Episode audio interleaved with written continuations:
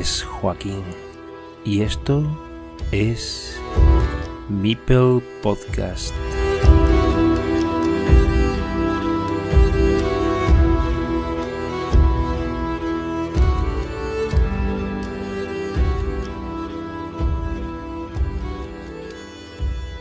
Bienvenidos una vez más a Mipel Podcast, un espacio dedicado a la divulgación de temática sobre Carcassonne y la interacción de su comunidad, en especial la comunidad española, y dentro de esta la comunidad Carcassonne Spain, de la que hago hincapié por pertenecer a ella, por ser de reciente creación y por su actividad frenética en los diferentes canales abiertos, sobre todo Telegram, la retransmisión en Twitch dirigida por Frank, y este podcast. Aunque quiero recordar la labor de César Wallace para los amigos con su blog ya menos activo, pero muy recurrente y enriquecedor, además de pionero, conocido como la Plaza de Carcassonne. La web, foro, Carcassonne Central y la iniciativa Wikicarpedia, en los que tiene mucho que ver nuestro compañero Héctor, conocido en BGA como Mipeldron, y la propia Liga Carcassonne Spain, con su organización a la cabeza, de entre los cuales ya hemos entrevistado a tres de sus integrantes, Luis Aparicio, David Cobo y David Escribano. Pero como no nos sentimos satisfechos, como no tengo techo, hoy me atrevo con otro peso pesado. Amigo Oscar, Oscaridis, bienvenido a Mipel Podcast. Buenas noches, muchas gracias por, por invitarme a esta iniciativa enriquecedora también. Oye, hace mucho ya, pero en su momento visité Santander, Torre la Vega, Laredo y Santillana del Mar. Muy bonita tu tierra, Oscar. Bueno, se agradece, se agradece.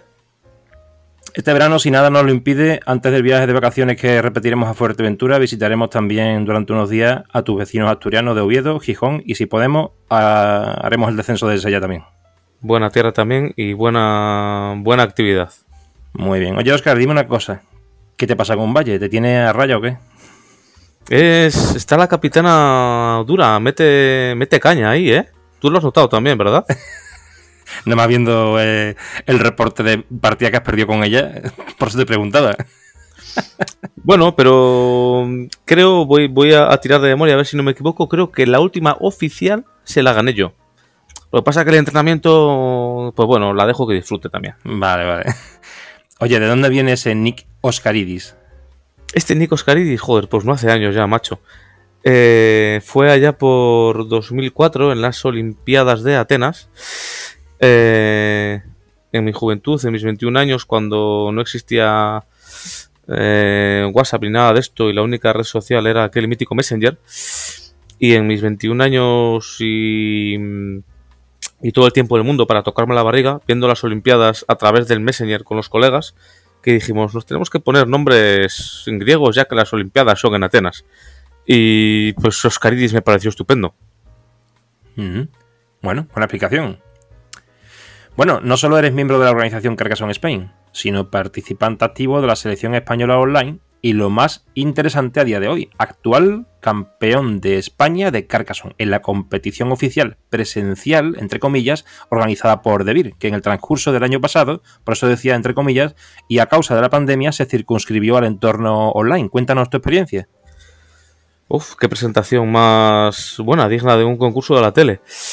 Eh, mi experiencia, bueno, pues tal y como has comentado, lo has dicho un poco en orden, en orden inverso. Ah, de los tres eventos que has comentado, el primero que se dio fue el del Campeonato de España. Eh, algo que yo, bueno, conocía, conocía a medias. Eh, era la primera vez que participaba no solo en el Campeonato de España, sino en, clasificatorios también. yo había leído alguna vez algún anuncio y tal de torneos clasificatorios para Carcasón hace años.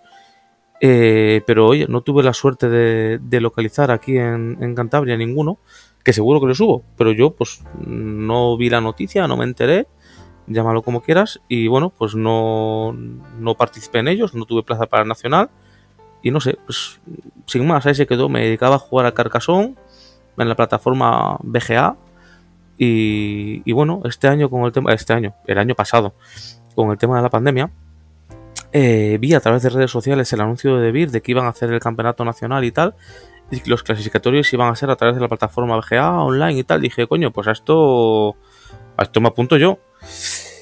Y, estuve a punto de no poder participar porque eh, yo recuerdo que tú participaste. Si recuerdas, eh, fueron cuatro, cuatro clasificatorios. ¿Estoy sí. cierto? Sí, sí, sí. Eh, cuando fui a participar al primero, que me apunté, no pude participar porque tuvimos que ir con el enano a urgencias. Cuando dije, bueno, pues oye, no he podido ser el primero, pues en el segundo. No me acordé de apuntarme, me acordé el mismo día por la mañana y no pude mm, participar en él y en el tercer clasificatorio quedé, no sé si décimo o algo así, y no me colé, y ya en el último quedé primero y, y entré. Com entrecomillabas el tema de, uh, de competición presencial. Uh, es un poco una espinita porque, porque igual puede, puede haber gente que le quite valor al, al, ser un campeonato online y pueden tener razón. Yo, eh, por otro lado, con, con experiencias que han comentado compañeros, eh, creo que también incluso puede tener más valor en cuanto a que puede haber veces que en, regionales haya gente buena que se, que se clasifique y que, joder, no puede ir a la nacional por temas laborales, por temas económicos, por temas, no sé, llámalo X. Y, joder, con esta posibilidad de la plataforma online, yo creo que ahí estaban los mejores. Incluso ha habido veces eh, que han comentado compañeros más... Mm, eh, expertos en el tema que han participado en más clasificatorios, en más nacionales, que joder, que cuando se hacía el nacional en Madrid, allí llegaba cualquiera que no tenía plaza y decía, oye, yo puedo jugar. Y, y para adentro iba. Entonces, por un lado, yo creo que, creo y entiendo y respeto que pueda haber gente que le quite valor al tema del campeonato, mm, título nacional, del campeonato online, pero yo creo que con este punto de vista que doy incluso puede tener más, más valor. a raíz de ganar el, Campeonato de España fue cuando me contactó, creo que fue Estroncio, eh, me pasó una invitación para el para un clasificatorio para, la selección que yo no sabía que había cosas oficiales de estas. Eh, ya te digo, para mí ha sido todo muy repentino. Ha pasado de, de jugar a Carcassonne porque me gusta y para pasar el rato a, a, meterme en, una amalgama de, de, eventos sin fin. sin embargo, sí recuerdo que hace años otro usuario, hace años, hace igual 6 o 7 años, me contactó por BGA diciéndome que no sé qué país le había propuesto jugar un amistoso por equipos nacionales y tal. Y, le di las gracias, pero le dije que no podía. Yo estaba muy liado con trabajo y tal, y no quería apuntarme a algo que no pudiera cumplir. Pero oye, esta invitación, pues oye, me metí en ello, me conseguí clasificar para el europeo participamos en el europeo con más pena que gloria, diría yo.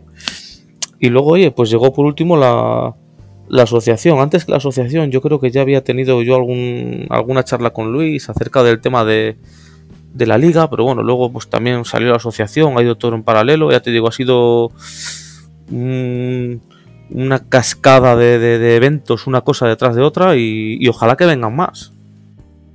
Vamos, la presentación que te he hecho estaba relacionada con todo esto, lo que pasa es que has querido poner el punto en, que todo ha sido en ese orden correcto que has, que has comentado. Correctamente yo también participé en esa competición de clasificación nacional y participé además, porque me entré tarde, en el tercer y cuarto evento, justamente los dos que tú participaste. Pero bueno, eh, la realidad es que lo has argumentado perfectamente y defiendes la posición de que eh, ese evento que tú has participado, aunque, aunque haya sido eh, online, tiene también muchísimo valor, al margen de que en el presencial pues hay otros factores que, hay que entender que también existen, pero que hay, eh, ojo que en la competición online, como tú comentas, hay que entender también que ahí podrían estar probablemente mucha gente que a lo mejor no podría ir a Madrid, como tú comentas, pero que en realidad eh, pueden ser los mejores de, a nivel de, de en España, en este caso. Ya no solo que no pudieran ir o que estuvieran en una situación muy similar a la mía, en la que eh, pues no tuvieran regionales o, de repente usuarios de BGA que no sabían de este tipo de, acontecimientos que dijeran, hostia, para allá voy yo. Bueno, no sé, una, una posibilidad, no sé exactamente cuál es la, la, realidad de todo esto, pero creo que, tampoco habría que, que, desmerecer el título porque haya sido online. Oye, pues las circunstancias eh, han querido que, el, que la organización tuviera que ser así y oye, pues las reglas eran, iguales para todos. Por lo menos se ha disputado el campeonato. Y mira, al final tú lo, has ganado. Me parece muy buen punto de vista este que, que has que has aportado. 2021 eh, fue un año en ese sentido bonito para ti, no solo porque conseguiste el éxito nacional, sino también tu billete para la final mundial de, de Essen, Alemania. ¿Cómo viviste ese viaje a la feria de los juegos de tablero y qué, mm, y nos puedes contar acerca de tu, de tu participación allí? Joder, ¿cómo lo viví? Esto es como, ¿cómo te diría yo? Desde mi participación en Essen empezó el mismo día que gané que gané el Nacional y, ha pasado por una pila de etapas de, sentimientos que no te haces no te haces una idea. Voy a intentar no, no enrollarme mucho porque esto daría para, para, mucho tiempo. Recuerdo uh, cuando ya me había clasificado y tuve que jugar la fase final del, Nacional, que joder, le dije a mi mujer, oye, coge al, al, enano y vete por ahí de paseo con él, que quiero jugar esto concentrado, bien, tal. Y, joder, recuerdo que pasé la primera fase, estaba jugando la segunda fase, que eran cuartos, semifinales y final. Y cuando jugaba las semis, con la partida, con una pila de público, yo nunca había jugado con tanta gente viendo mi partida, que yo decía, bueno, pero, pero ¿qué es esto? Y, con la partida cerca de acabarse y, ya la tenía en la mano, no se me podía escapar, recuerdo preguntar por el chat, digo, oye, esto, esto, preguntando por el chat y, y, hablando conmigo mismo casi a la vez, diciendo, oye, esto, esto son las semifinales, ¿no? sí, sí, son semifinales, tal. Digo, o sea, son semifinales, voy a ganar, voy a la final. Digo, ya me da igual cómo quede, o sea, voy a ir al mundial. Yo estaba flipado. Estaba flipado y le había dicho a mi mujer que se fuera y no tenía nadie a quien contárselo. Ah, porque van, van campeón y subcampeón. Es verdad que yo he visto a dos personas en el fueron, fueron, dos, correcto. Fuimos Víctor y yo. Efectivamente, sí. Y, y luego, bueno, pues jugando la final también, que, que bueno, pues se me dio bien contra Víctor y tal, y, más de lo mismo, gané, muchas felicitaciones, mucho tal, diciendo, joder, he ganado esto, voy al campeonato del mundo y tal. Y yo, yo decía, digo, ¿a quién lo cuento? Y, un poco ahí, no sé, en una nube. Y bueno, con todo esto, pues, pues los primeros miedos de, joder, voy a ir al mundial, ya verás, yo, joder, no sé, no seré el mejor del mundo, pero coño, joder, creo que juego bien al Carcasón. Pero yo decía, digo, voy a ir al mundial, digo, me van a dar allí por todos los lados, ya verás qué ridículo. Yo estaba asustado. Y cuando empiezo, después de esto, que me meten, me pasan el enlace de Telegram, me meto en la comunidad y tal, hablando con gente que había ido, te empiezan a dar consejos. Recuerdo que me decía, me insistía Lorenzo en el tema de que ahí se juega con reloj, que mucho cuidado, yo nunca había jugado con reloj y digo, joder, para tanto será. Y estaba, en cierta medida, asustado con todo esto que me contaban. Ah, luego, mm, yo, bueno, yo en ese momento estaba, estaba sin trabajar porque, bueno, a principios de año hice un, cambio de trabajo, bueno, salió mal. Y, joder, a, a, principios de septiembre, no, a principios de septiembre, no, a mediados de agosto, finales de agosto, me llamaron para trabajar en un sitio y tal, estaba trabajando, digo, ya verás tú, ¿y cómo le digo yo a esta gente ahora que necesito unos días de vacaciones para irme al mundial? Yo súper preocupado, no sabía si iba a poder ir, si no iba a poder ir, y tuve una buena y mala noticia a la vez que cogieron y me dijeron que no había pasado el periodo de prueba. Y lo primero que pensé yo para mí dije, joder, de puta madre, me voy a Alemania sin ningún problema. es, es, un, poco fuerte, pero realmente fue mi primer pensamiento. Y joder, hablando, pues eso, lo mismo, hablando con, gente, pues conocía, bueno, conocí, hablé bastante con, con Pere, que también iba a ir como representante de, de, Cataluña y, y, ya había ido contándome experiencias. Y, joder, fíjate tú que a, 10 o 12 días de ir a Alemania me llaman para un trabajo. Digo, madre mía, con unas condiciones espectaculares. Digo, ya verás tú, que no voy a poder ir a Alemania al final. Y se lo dije, digo, oye, mira, estoy muy bien, yo puedo empezar cuando queráis, pero oye, mira, tengo un compromiso en Alemania. Uy, ningún problema, te damos los días. Digo, esto es la mía. y oye, pues nada, para allá, para Alemania, para Alemania fui y la experiencia estuvo, estuvo muy bien al principio con muchos, con muchos nervios, aquellos es muy grande, tuve la suerte de ir acompañado con, con Víctor y con Andrea, que quieras que no, pues no es lo mismo que, estás, que estar solo, allí también conocimos a, a los chicos de, de Carcassonne Argentina, yo ya había tratado con uno, con uno de ellos y conocimos al otro integrante. y, y bueno, una vez comenzado el torneo, la verdad es que cuando conseguí ganar la primera partida, que era contra, contra uno de los chicos argentinos, integrante además del, equipo nacional argentino, no sé, gané, me quité los nervios, se me dio bien y dije, bueno, pues no es para tanto, he ganado una, no seré tan paquete, no haré tal, tal ridículo. Y, y joder, Joaquín, que gané una, que gané dos, que gané tres, que dije, madre mía, que bien si me está dando esto, me quedan dos partidas, con ganar una estoy dentro. Cuando jugué la cuarta ronda, eh, iba en segunda posición y jugué contra el primero y perdí de un punto en su último movimiento. Digo, bueno, estas cosas pueden pasar, no pasa nada, si gano la última, sigo estando dentro. Y en la última ronda me tocó contra una persona a la que has entrevistado recientemente, contra el amigo Cuaresma, que qué cruel es el destino. Si hacemos una comparación con el mundo futbolístico, me ganó en el minuto 97 de penalti injusto, que tiró el penalti, pegó al palo, me pegó a mí en el culo y entró. Le quedaban cuatro losetas, nos, nos quedaban cuatro losetas, y para poder ganar necesitaba dos losetas, solo le valían dos, y en el orden correcto. Pues hijo mío, le entraron. Madre. Y me ganó de 8 y me quedé fuera. Pero bueno, mmm, con todo esto, una frustración temporal, como haberme quedado fuera, luego miras un poco para atrás en el tiempo y tanto Víctor como yo, la última partida, estábamos los dos con, con, con tres puntos, si ganábamos pasábamos a la siguiente ronda y Víctor jugó la última partida con el que quedó campeón y yo jugué la última partida contra el que quedó subcampeón. Bueno, creo que tan mal no lo hicimos. Ese fue Maciej Polak, ¿no? El campeón. Y en este caso Melvin es el del que me habla, que fue el subcampeón en este caso. Correctísimo. Uh -huh.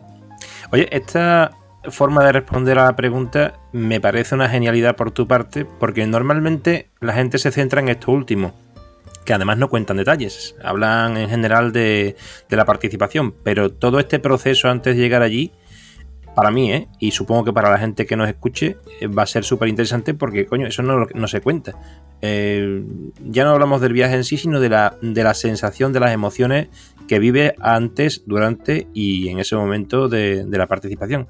Muy interesante porque esto es precisamente lo que la gente no sabe y esto que comparte a mí me resulta por lo menos súper interesante.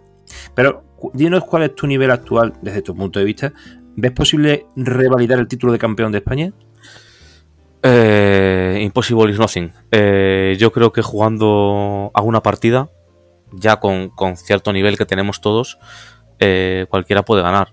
Bien es cierto que, bueno, tú has, has, jugado como yo contra gente que está en la selección, gente que está arriba en arena y tal. Y, joder, recientemente incluso tú me has ganado. Eh, yo creo que una partida todo es posible. Tienes que tener el día, hay un en el carcasón hay un factor, le guste a la gente o no, hay un factor de suerte, será bajo. Eh, pero hay un factor de suerte que tienes que, buscar o que tienes que evitar la suerte del rival. Entonces, ¿es posible revalidarlo? Sí. Eh, ¿Difícil? Joder, dificilísimo. Hmm. ¿Cuál es tu adversario más temido en el escenario de una posible final en cualquier torneo presencial? En cualquier torneo, es que claro, es que presencialmente yo creo que la cosa cambia cambia mucho respecto de jugar en BGA. Yo realmente presencialmente he jugado he jugado contra contra Víctor, contra Ciamat, eh, no sé, cuatro, cinco, seis partidas, siempre igualadas y tal. Pues, gana uno, gana otro, se alterna. Pero presencialmente no sabría no sabría decirte porque realmente no he llegado a jugar contra eh, contra tanta gente. Eh, bien es cierto que pensando un poco en el nacional, si se hacen las partidas con reloj, eh, por el estilo de juego, la forma de jugar que yo tengo, que juego muy rápido, tengo, oye, tengo una facilidad para visión espacial y tal y cual, y juego rápido, aprovechándome de esa posibilidad de mmm, juego rápido y pienso en el tiempo del rival, que a su vez no puede pensar en mi tiempo porque en cuanto me toca pongo. No sé, hay, hay muchos factores, Joaquín, que, que hacen difícil responder a esa pregunta de, de quién es un rival temido. No, no, sabría, no sabría decirte. Claro, te pones a decir, pues, joder, Estroncio es un gran jugador y Valle, eh, Íñigo. Eh, pero ya te digo, a una partida y a los niveles en los que estamos, creo que cualquiera puede, puede ganar. Uh -huh. Me vale la respuesta. Y en BGA, ¿cuál es tu, tu bestia negra? ¿Empieza por V? ¿Empieza por V? No, no empieza por V. Eh, yo he jugado no muchas partidas contra. mm, Pero no muchas partidas, bueno, o sea, he jugado 10, 12 partidas y me parece muy buen jugador y me cuesta mucho ganarle, aunque bien es cierto que le he ganado varias. A otro compañero español que está en élite, que es. eh, creo que se llama Enric y el nick es eh, Ezequiel en Profecia o algo así. Y, y me parece, joder, me parece, me parece buenísimo. Y, y por otro lado, eh, fuera del, del ámbito de los nacionales, eh, he jugado muchas partidas antes de que yo jugase en arena. o Yo empecé a jugar en arena recientemente. En partidas eh, sencillas. He jugado mucho contra un chico finlandés que se llama Nalerheim. Que me parece también muy bueno. Y bueno, también le he ganado varias partidas y tal. Pero joder, me costaba, me costaba un huevo ganarle. Pero ese es el nick o el nombre. El nick. Y O, algo, o algo así. Rescatando la experiencia sobre Essen, eh, viajaste con Pere Vive, del que ya me has hablado, eh, que también fue campeón de España en 2017, si no me equivoco. Es alguien del que se puede aprender mucho, atesora experiencia, es un gran enamorado de Carcassonne y además tiene una enorme capacidad organizativa y de gestión, además de una implicación tremenda para conseguir los objetivos que se propone y aún así potencia la idea de que los resultados se deben, y no le quito la razón, pero destaco también su generosidad, se deben, como decía, a la labor conjunta de un grupo de personas. ¿Qué destacarías de Pere Vives y qué te ha aportado lo poco o mucho que hayáis podido compartir? Hombre, yo, ah, yo. había jugado con él antes de, toda esta historia, de haber ganado el campeonato nacional y ir a Essen y tal. Había jugado con él varias veces. Y bueno, pues sí, me, me solía ganar más él, pero bueno, también, también yo le ganaba, no le tenía como alguien invencible. Y, bueno, sí hablé con él algo sobre Essen, cómo iba el formato, qué es lo que hacían, y, y ya estando allí, eh, no habiendo conversado mucho con él, porque no, no hablé demasiado, pero me, sí me, me dio ánimos, me tranquilizó. Él sabe que el, el- tipo de juego que tengo yo. Y recuerdo, pues en cada partida venía y me decía, joder, qué bien, has ganado tal, Bastres, tú a lo tuyo, tú, tú machaca el, bloqueo, tú bloquea y juega, tú a lo tuyo, que lo haces de puta madre y tal. Recuerdo esas, conversaciones con él muy, muy cortitas, pero joder, de, de- de ánimo y de apoyo. Porque a él en el mundial no le fue tan bien, pero oye, venía, venía a preocuparse por los demás y sí, sí recuerdo ese, esos momentos con, con especial cariño. Y por otro lado, me parece admirable la, todo lo que, lo que ha montado eh, en Cataluña, con el Mundial, con el Europeo, todo lo que está haciendo me parece, eh, me parece digno de, admiración y de, y de agradecérselo una y mil veces. En el plano individual, tu estilo de juego viene definido en un alto porcentaje de las ocasiones a través de la acción de, de bloqueo. Hay situaciones en que este bloqueo puede producirse como estrategia de defensa, otra como estrategia de ataque, pero tú eres realmente proactivo en la búsqueda de putear al rival. ¿Qué te induce a tomar esta fórmula de actuación? Verás, te pregunto esto porque todos efectuamos bloqueo, pero lo habitual es hacerlo cuando se da la ocasión, ya que invertir turnos en intentarlo sin saber a ciencia cierta si lo vas a conseguir es también un mal plan, pero parece que, que tú has sembrado resultados brillantes y has cosechado fama al respecto de ese estilo de juego. Mm, yo creo que, poco a poco voy, aunque lo siga haciendo, creo que, insisto menos, como, dices, en el tema de, bueno, no, desperdiciar turnos si no es, necesario. Pero mira, hace unos días en la comunidad había un, compañero, no recuerdo ahora mismo quién, que decía que había jugado contra un japonés que le había bloqueado cinco muñequetes y que había, se había dado cuenta de, de la importancia de los, de los bloqueos y que durante su propia partida y durante esos cinco bloqueos había aprendido la técnica de, de bloquear.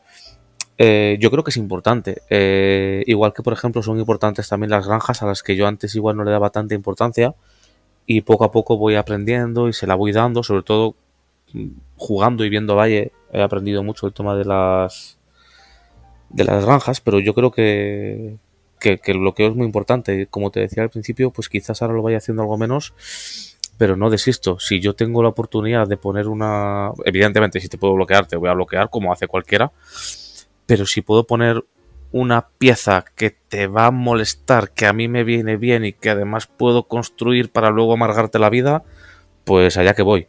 Y claro, si te puedo hacer un, bloqueo de 3 en 1, ya doy palmas con las orejas. Un 3 en 1, claro.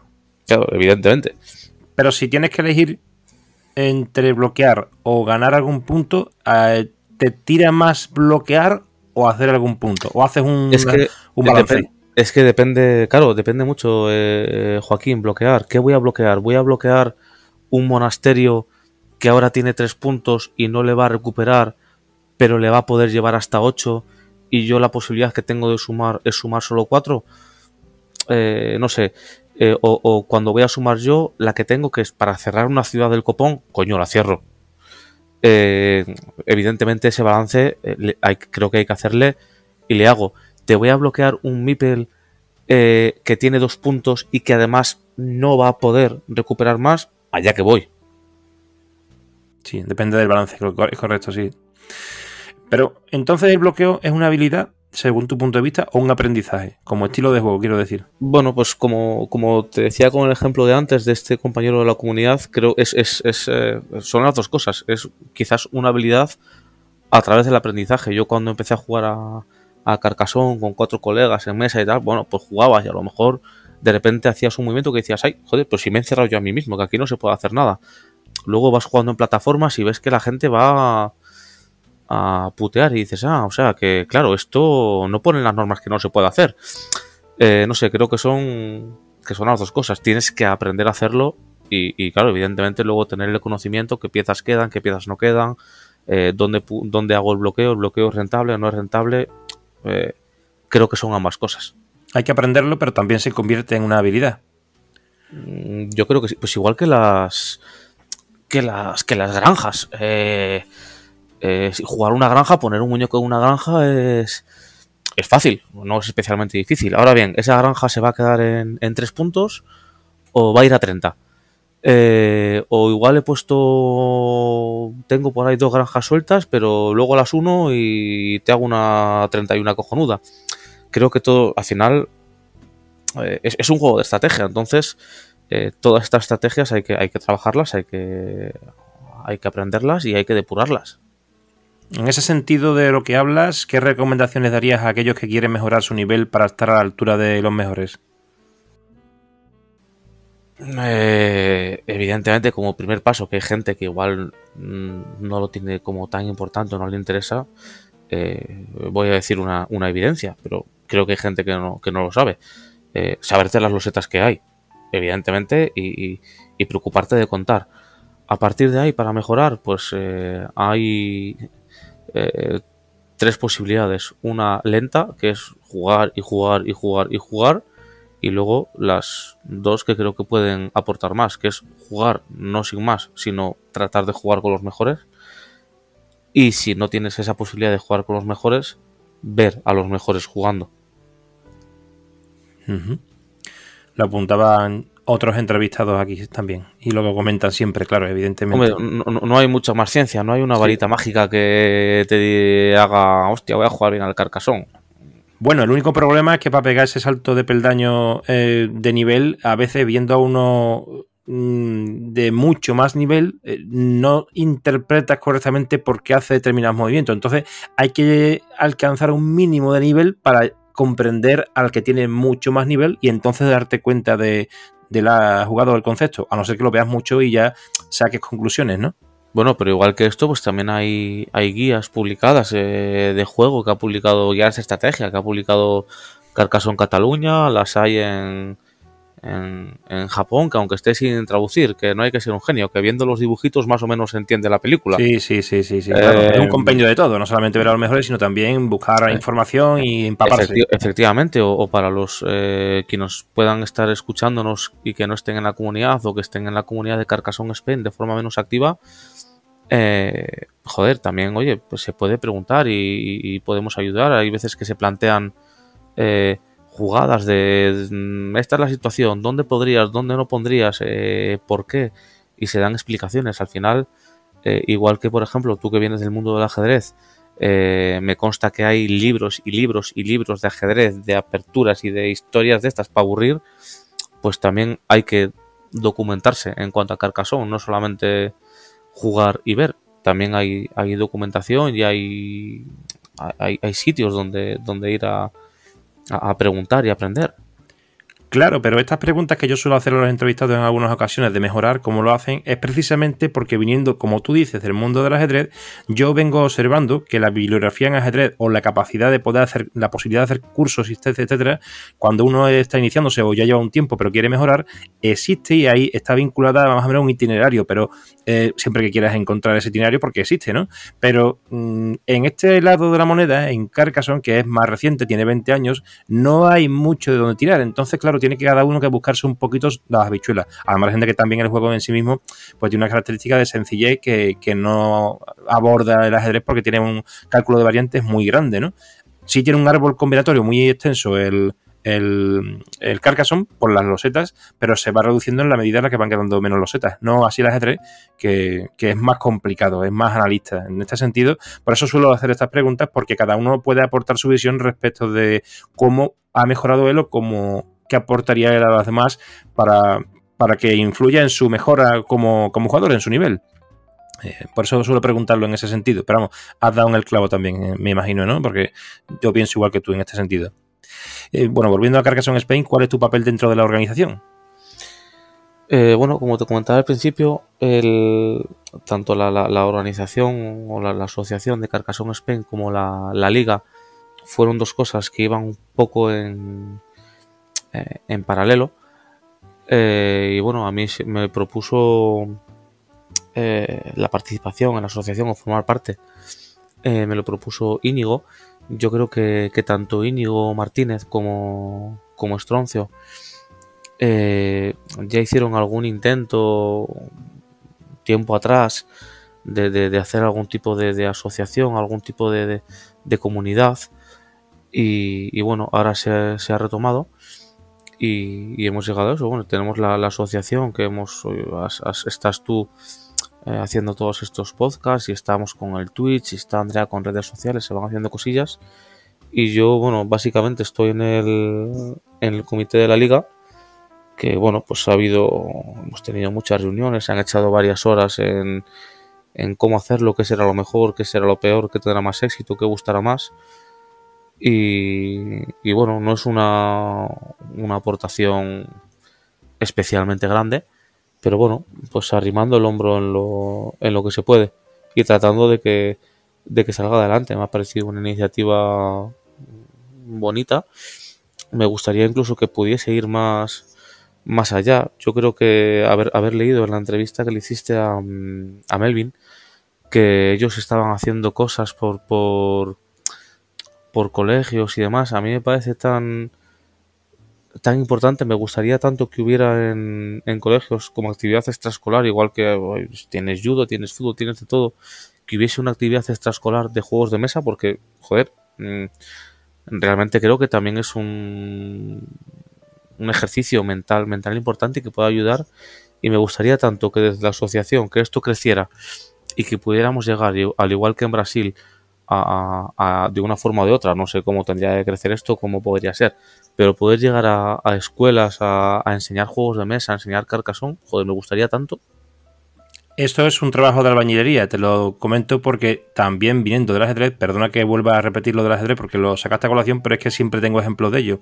Conozco a una persona en Cádiz, en un colegio privado, es verdad que no es accesible para todo el mundo, pero donde esa persona presentó un proyecto por su cuenta, es un gran jugador de ajedrez, pero no es de los mejores, y su estilo fue exponer la necesidad o la idea que había dentro del sistema educativo de utilizar esa herramienta, que era el ajedrez, no como juego simplemente, sino como una utilidad transversal, porque está reconocido que tiene muchísima cosas positivas, ¿no? Incluso la velocidad de, la lectoescritura que no sabía ni que no tenía ni idea de que servía el ajedrez para eso, pero bueno, ahí hay muchos estudios, incluso hay una persona por ahí que habla mucho en conferencias sobre todo lo que aporta el ajedrez y en este sentido, quien dice que no se puede hacer algo parecido con Carcassonne, pero claro, eh, es un trabajo de albañilería desde el punto de vista de que nadie va a venir a ponerte el juego Carcassonne en los colegios, uno tiene que currarse todas esas cosas.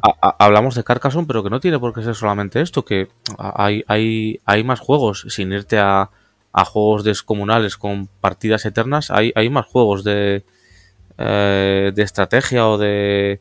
de eh, no, no, no, sabría decirte ahora mismo, de, deducción, juegos que pueden aportar mentalmente eh, a, desarrollo y a crecimiento de los chavales sin ningún tipo de duda. Yo he leído en una entrevista, no sé si era una psicóloga o educadora, eh, no, o pedagoga, no lo recuerdo, en una entrevista que hacía Wallace, bueno, César, en, en la Plaza de Carcassonne, a una persona que se dedicaba, entre otras cosas, a utilizar juegos de mesa en el colegio en el que trabajaba.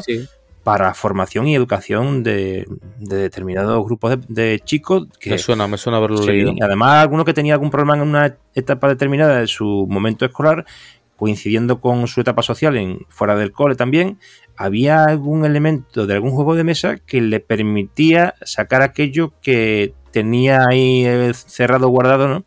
Y bueno, es que es una curiosidad, pero claro, estas cosas eh, son difíciles de ver para la política y para todo el mundo, pero que muchas veces existen proyectos pequeños que van teniendo eh, su intromisión dentro de los sistemas, por ejemplo, en este caso educativo, y que, claro, por eso decía que era un trabajo de albañilería, porque al final uno se tiene que inmiscuir eh, mucho en este tema hasta que esto se va, viendo la luz. Y se parece fácil lo que ha hecho Carganoso Brasil, pero ni por asomo remotamente esto es sencillo. Pero bueno, es una cosa que sería muy interesante y muy bonito, por supuesto.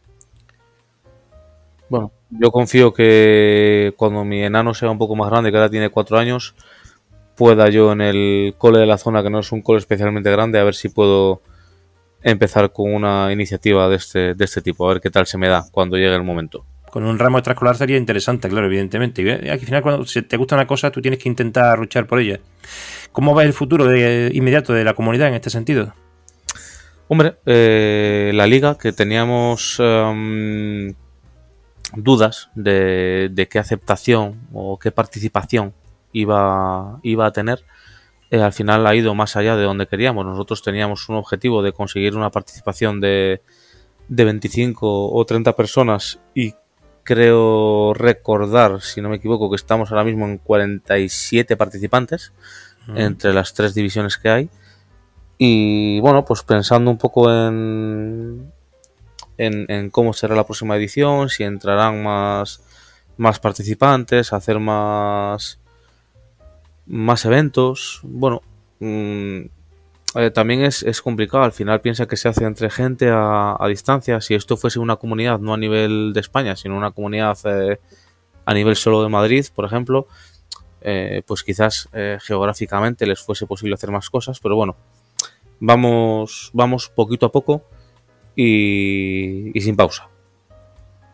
Hay mucha actividad en el Telegram. ¿Qué destacarías de este grupo tan nutrido al margen del buen rollo? Joder, destaco, o sea, ya la, mera existencia me parece una, maravilla. Yo cuando te comentaba, cuando gané el Nacional y me pasaron el enlace y tal y cual, y entré y vi que había una comunidad, joder, me pareció muy, eh, muy interesante. Creo que es algo, algo bueno. Eh, y bueno, desde que, desde que he entrado yo, ha ido entrando muchísima, muchísima gente. Eh, y me parece una, una, vía de, expansión para, el Carcassonne importante. Está, al final está muy bien, es un grupo, tienes a gente, comparten mm, todos tu, tu, pasión. Hay muchos que ya se conocen. Yo mm, personalmente conozco solamente a, a Víctor y Andrea pero bueno, eh, llegará a Nacional y tendré oportunidad de, saludar personalmente a, mucha gente. Estoy seguro de ello porque ya hay gente clasificada de presenciales y dentro de la comunidad, dentro de la liga en este caso, como se ha conseguido o habéis conseguido o ha conseguido alguna persona concretamente o, el grupo eh, lo que habéis eh, conseguido, valga la redundancia, que es eh, que haya bastantes personas dentro del grupo de la liga que vayan a ir a Nacional, que eso es un puntazo. Entonces, claro, allí vais a verse la cara, no la mitad del grupo de Telegram, pero sí una cuarta parte. Va a ser impresionante. Yo creo que sí, tengo, tengo ganas de que llegue, de que llegue el momento por, por, por eh, participar en el Nacional, conocer a gente, compartir experiencias. Tengo ciertamente muchas ganas. Por ser campeón, tienes, tienes la posibilidad de revalidar el título, ¿no? Eh, sí, es una cosa que le pregunté a, mm, a Tony, el que lleva todo el tema de los torneos de Carcassonne. Tony Barba, sí. Eh, sí, correcto. Y me, dijo que efectivamente que yo tenía, que tenía plaza. Eh, quiero recordar que me dijo que también le iban a dar plaza al último campeón presencial, que creo que fue Lorenzo, no sé si digo bien. Y bueno, sí, eh, yo tengo esa, esa posibilidad de acceder de forma directa, igual que por ejemplo, eh, por cómo hemos establecido las cosas para la selección y tal y cual, eh, para el Mundial, para el equipo del Mundial, yo tenía plaza, plaza directa, no he tenido que, ganármela. Y la idea es que a futuro el, el campeón nacional tenga también plaza de forma directa para los equipos eh, nacionales, para europeo, para mundial y demás. Muy interesante esto porque quiero hacer incidencia en eso porque entonces en el grupo de élite, eh, si son seis los clasificados para el nacional, creo que, creo que eran seis. Y las plazas van a ir bajando. Claro, eh, efectivamente, hay gente que ya está clasificada, que está por debajo de esas plazas, pero hay gente que está por encima y dentro de esas plazas que también están clasificados. Entonces, claro. Yo creo eh, que raro va a ser que no esté todo el grupo élite en el nacional. Raro va a ser. Oye, luego habrá gente que por sus circunstancias personales eh, laborales, eh, económicas o lo que sea, puedan o no puedan ir, pero yo creo que derecho a, a participación va a tener todo el grupo de élite. Pues le doy mala razón a Luis en este caso, porque también hablando con Estroncio, eh, hacíamos hacer el comentario de que eh, en teoría todas las ocho plazas que se reservaban para Carcassonne Spain deberían de estar, bueno, dentro del grupo élite y desde mi punto de vista ese concepto que tiene Luis de expandir más allá dentro de las otras divisiones que se han creado, es que por lo menos el primero de cada uno de esos grupos, que puede ser tan válido como un como un jugador élite, porque podría haber estado ahí. De hecho, algunos han estado, pero han bajado en el último momento por las circunstancias del motivo clasificatorio. Eh, pues también tienen derecho, por lo menos el primero, igual que va a subir al élite, que se clasifique para el nacional. Yo lo veo también estupendo, porque no solamente tendríamos al grupo completo casi de élite, sino también a un par de representantes de cada uno de los grupos de segunda, que seguramente van a ser los mejores de segunda y uno de los mejores también de eh, élite el año siguiente. Sí, estoy de acuerdo. Para ir acabando, me tomo la licencia de coger una curva y salirme por la tangente de lo políticamente correcto, aunque nunca lo he intentado ser, políticamente correcto me refiero.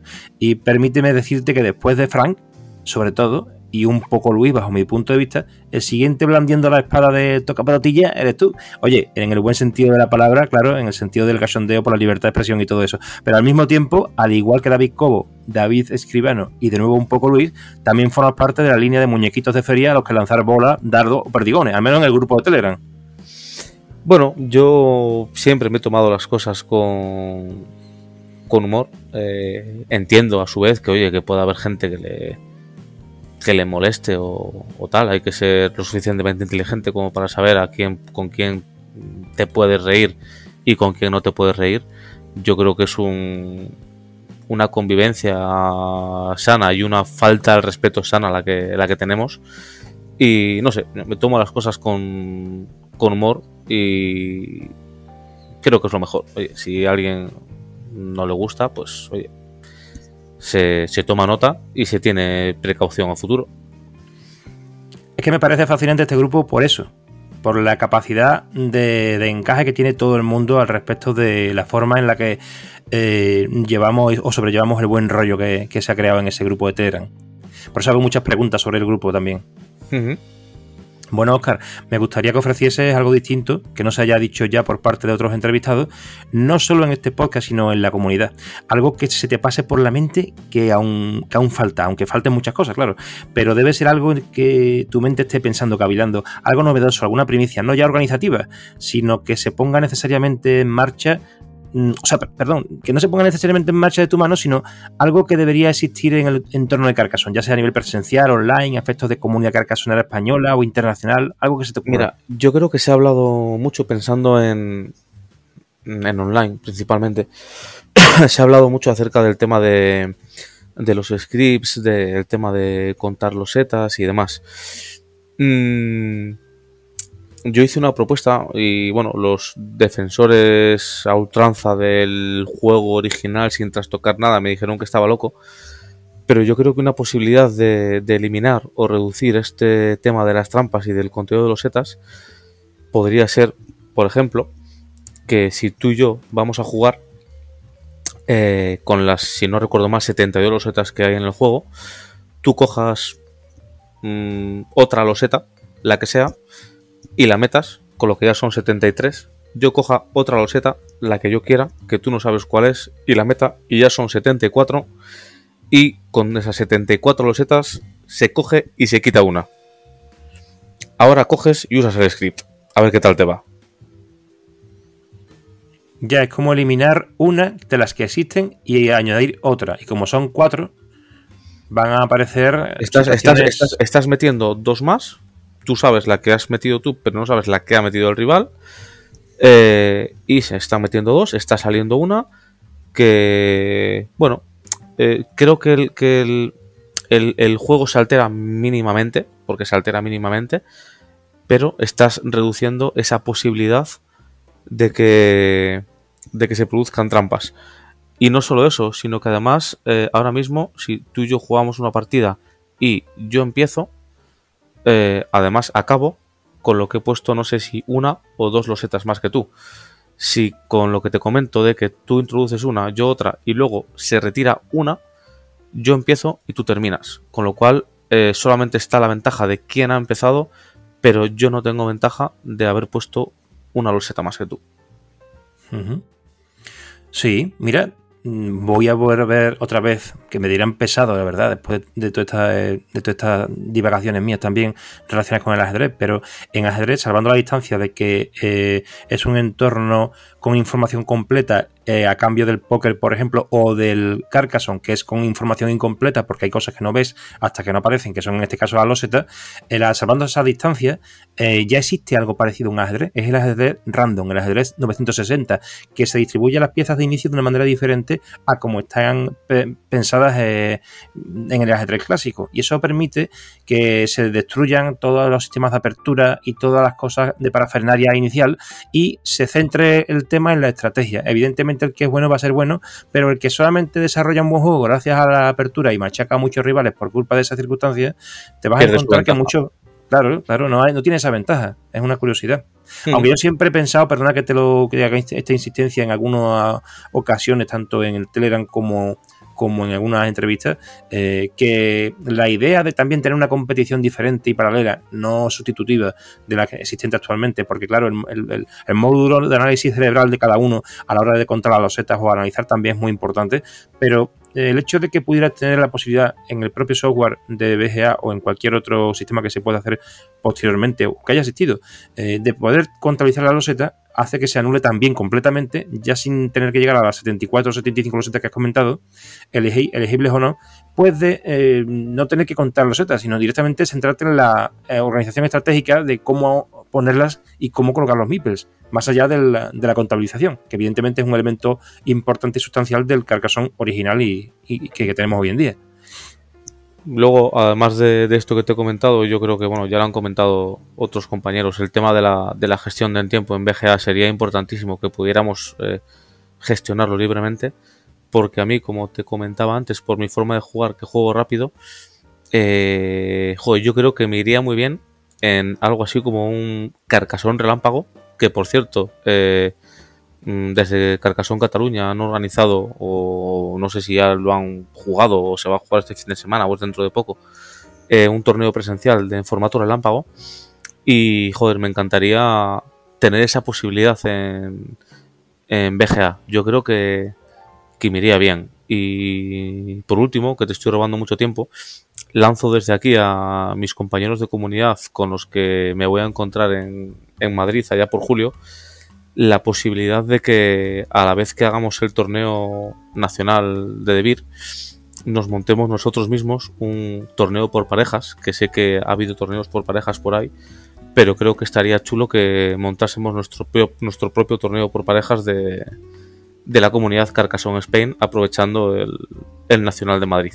Ahí lo dejo, a ver si alguien quiere recoger el guante todo se andará, seguro que sí. Y se abrirán las posibilidades de hacer estos tipos de pruebas relámpago o bullet, que en ajedrez son muy divertidas. Pasamos a las preguntas de respuesta corta, Oscar. ¿Losetas favoritas? Eh, losetas favoritas, esto, esto me lo he tenido que pensar mucho porque realmente no tengo una. Eh, entonces te voy a dar una respuesta real y una un poco más irreal. Eh, quizás la, la loseta que más me pueda gustar es el, el tubo. Creo que te da pues, una ventaja importante porque siempre procuro tener un, una tapa mm, mirando para afuera, me pongo el tubo y mira que bien, puntos extra. Y por otro lado, la loseta, la loseta buena, Joaquín, es la que llevas esperando hace 10 minutos que no te entra y de repente te entra. Esa es la roseta buena. Esa es la roseta buena, pero la favorita es el tubo. Sí. ¿Expansión favorita de Carcassonne? Solamente he jugado con el río y con, y con posadas y catedrales, entonces tampoco puedo aportarte mucho. El río, bueno, me parece que el río da eh, un poquitín más de amplitud al mapa, más posibilidades con el tema de granja y tal. Entonces no puedo realmente decirte cuál es mi favorita porque solamente he jugado con esas. Entonces, bueno, el río está bien, sí, pero bueno, me quedo con el básico. Vale, si tienes que elegir expansión sería Posada de Catedrales, porque el río es una mini expansión. Pero bueno, además no añade mucho, pero es interesante como decía Luis. Pues sí, nos quedamos con el dato. ¿Otro juego de BGA que te apasione? Ah, el... Hoy me saldrá el nombre. El Saboteur. Saboteur. ¿Y otro juego que no esté en BGA? Eh, te voy a decir dos. El Genial, que también es de Debir. Y el... Uf, se me ha ido el nombre, madre mía. Y el Tricoda. Tricoda y Genial. ¿Has visitado, Oscar, la ciudad de Carcassonne? No la he visitado, he tenido un viaje organizado, pagado y de todo que se canceló a última hora por la situación personal de un amigo. Y otra vez estuvimos mirando para ir y tal y cual y cuando lo teníamos decidido, ta, ta, ta, nos lo hicimos encima y decidimos no ir. Entonces es una cosa que tengo pendiente. Bien, te animo a que vayas, es muy chula. Eh, Oscar, Sí, gracias por estar aquí, por contribuir a este canal y espero verte en una próxima ocasión con motivo de alguna alegría o para comentar cosas sobre todo sobre nuestro juego favorito, vaya. cuando, cuando tú quieras, Joaquín, es un, un placer haber estado contigo hablando de, de una pasión común. Y bueno, como te digo, cuando tú quieras, para lo que tú quieras.